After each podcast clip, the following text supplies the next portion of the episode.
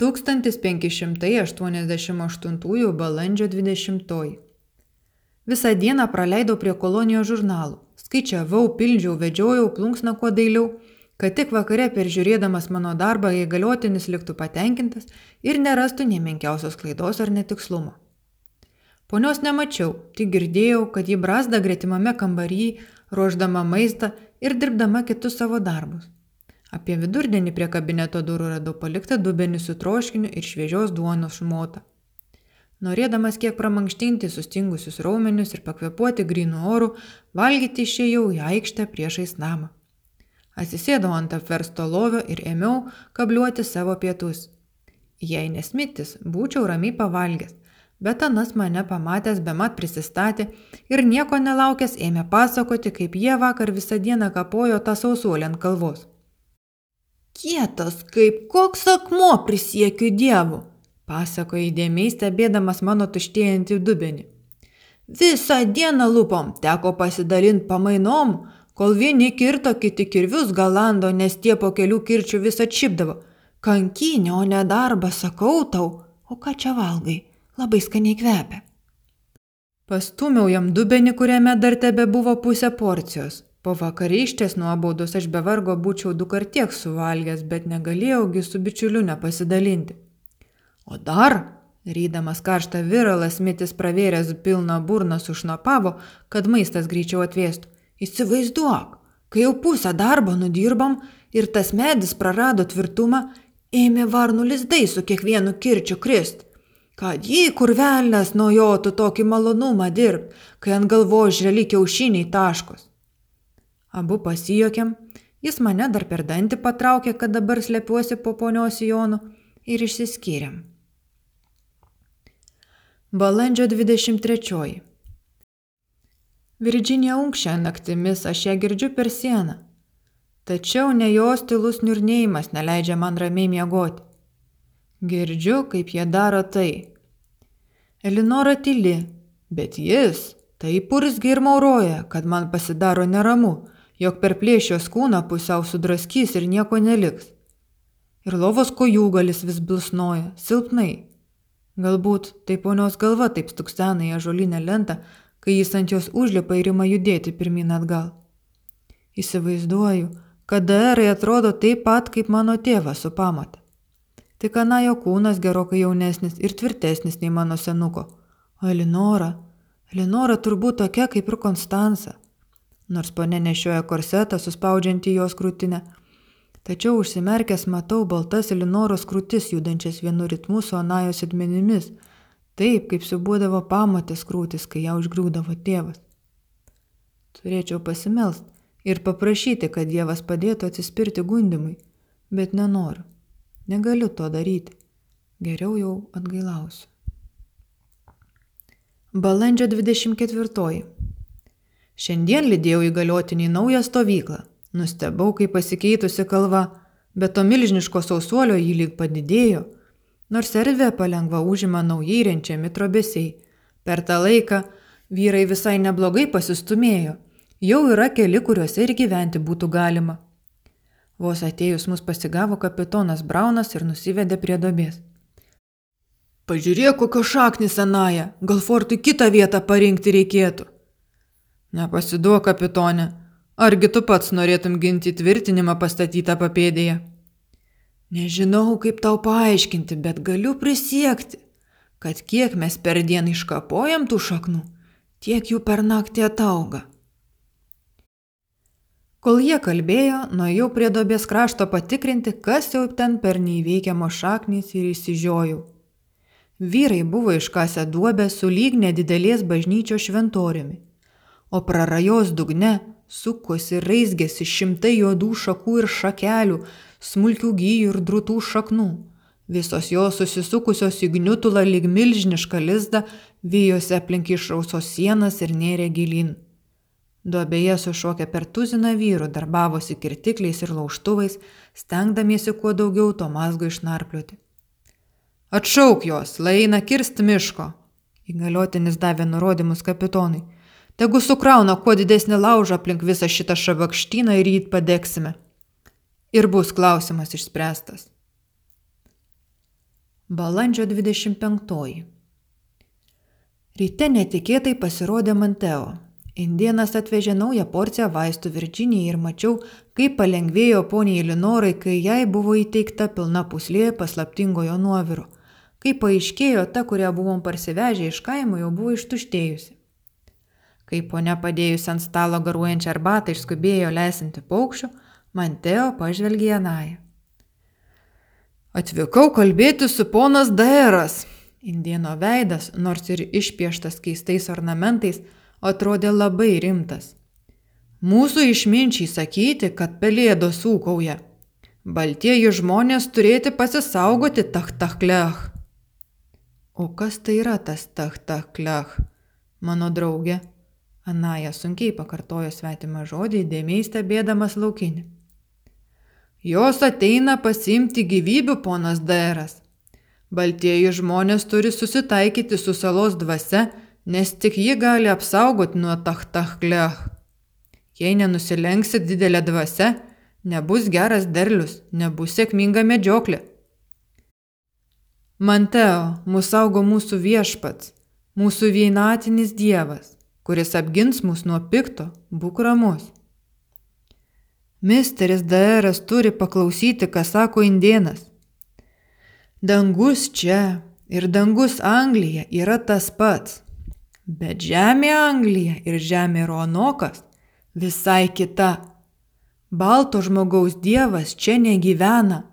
Baltas žmogus atvažiavo, bet savo dievą paliko. Jo nebūti čia, jis nieko nesaugoti. Įgaliotinis gražiai kalbėjo su Manteo Įdėmiai jį išklausė, labai mandagiai padėkojo ir kaip tikras šeimininkas nulydėjo per mišką iki pat indieno valties. Kai čia buvių kanoja nutolo, misteris Daeras atsisuko į mane ir griežtai nurodė. Kitiems nie žodžio apie tai, ponaiti Bruksai. Tai yra čia buvių sapalionės. Nenoriu, kad žmonės imtų bereikalo nerimauti ir abejotų mūsų viešpačiu, ar supratot mane? Taip, ponė, visiškai. Na ir puiku, Tuomet paskubėkime, noriu pamatyti, kaip svyla tas velnio lizdas.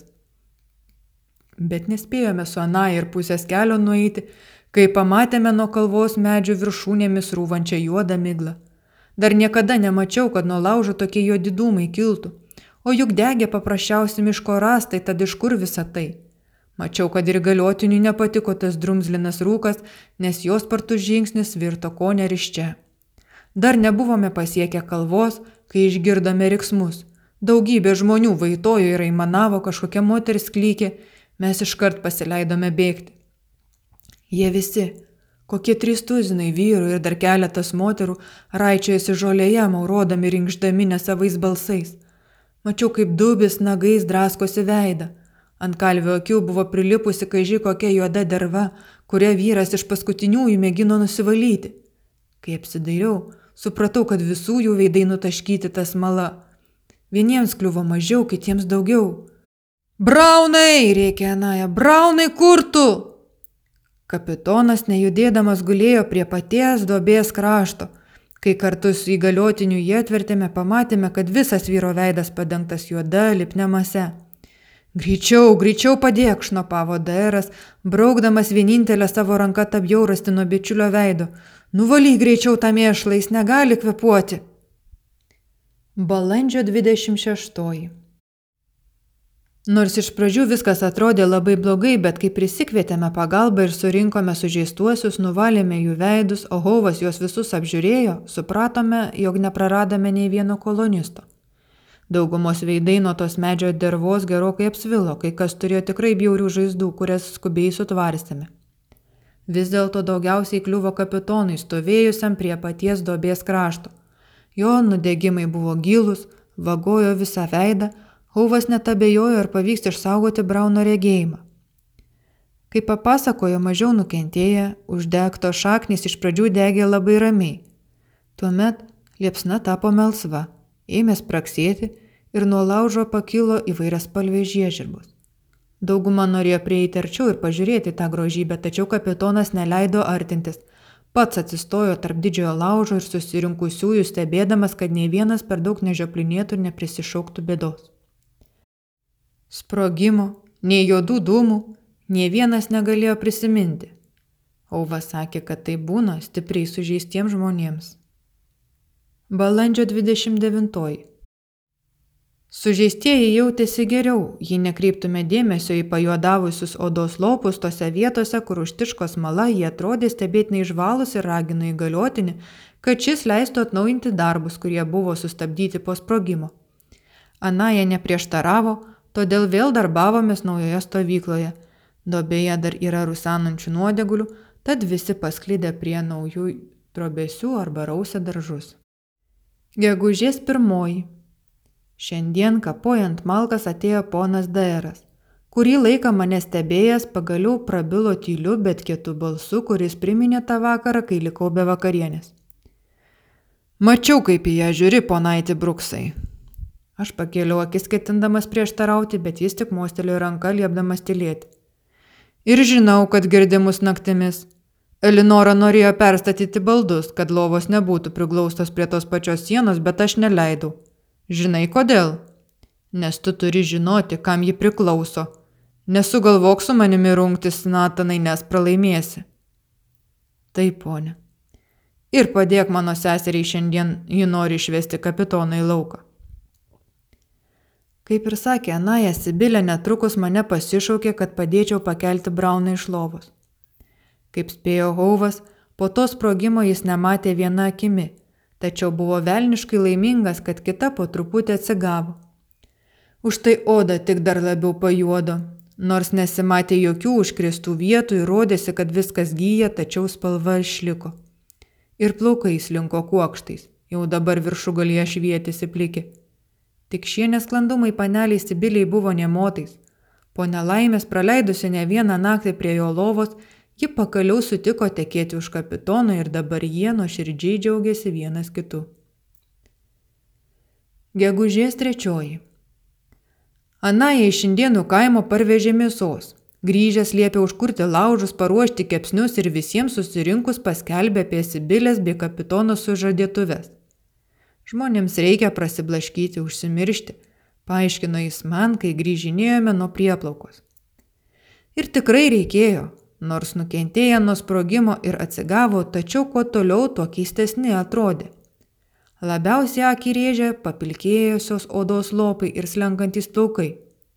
Tačiau aš pastebėjau, jog jų ir eisena daugumos pasikeitė. Ji ėmė šokčioti. Vos vos, beveik nepastebimai, bet kažkaip nenormaliai. O šiandien, kai dubis stovėjo atsisukęs į laužo šviesą, prisiekiu viešpačiu, Mačiau, kad po jo oda yra kažkokie juodi grūdeliai. Jau ketinau eiti apie tai pasakyti Hovui, tačiau mano dėmesį patraukė sužeistieji, susirinkę aplink kapitoną. Jie visi taip tyliai stovėjo, o po to išsiskirstė, lyg nieko nebūtų nutikę. O mano meilė, riktelėjo Braunas, ištiesdamas ranką sužadėtiniai. Pašoks su manimi. Sibilė droviai šyptelėjo, bet žengė link kapitono, o tai pastebėjęs Anaja mostelėjo vaikinams, kad šie sugrotų kokią linksmą melodiją. Po truputį visi ėmė trepsėti, kas kokią damą pakvietęs, o kas tiesiog stojas į ratą. Edmundas šauniai čirpino smuiku, o Nikolas prisijungė su dūdmaišiu. Jau atrodė, kad Anajo planas prablaškyti žmonės puikiai pavyks, kai netikėtai pasigirdo keiksmai nuo skirtingų laužo pusių ir riktelėjo panelė Sibilė. Spėjau pamatyti tik tiek, kaip ji persigandusi stumė nuo savęs kapitoną ir braukė rankomis veidą aptaškytą kažkuo tamsiu. Žmonės pakriko, traukdamiesi nuo sužeistųjų, kuriems iš burnos tryško juodas kystis, kai kuriems jis tiesiog liokė aptaškydamas visus buvusius aplink. Mūsų apnuodijo, suriko Braunas, rankomis čiupdamas savo už gerklės, iš kurios vis išsiverždavo nauji dervos pliūpsniai. Tie laukiniai, tie laukiniai mūsų apnuodijo. Ponui Dairui vadovaujant, bematant buvo atlaisvintas barakas ir apsinuodiję suguldyti jame. Hauvas apžiūrėjo visus iš eilės, bet kai smala nustojo varvėti jiems iš burnų, jie ir vėl jautėsi visiškai normaliai.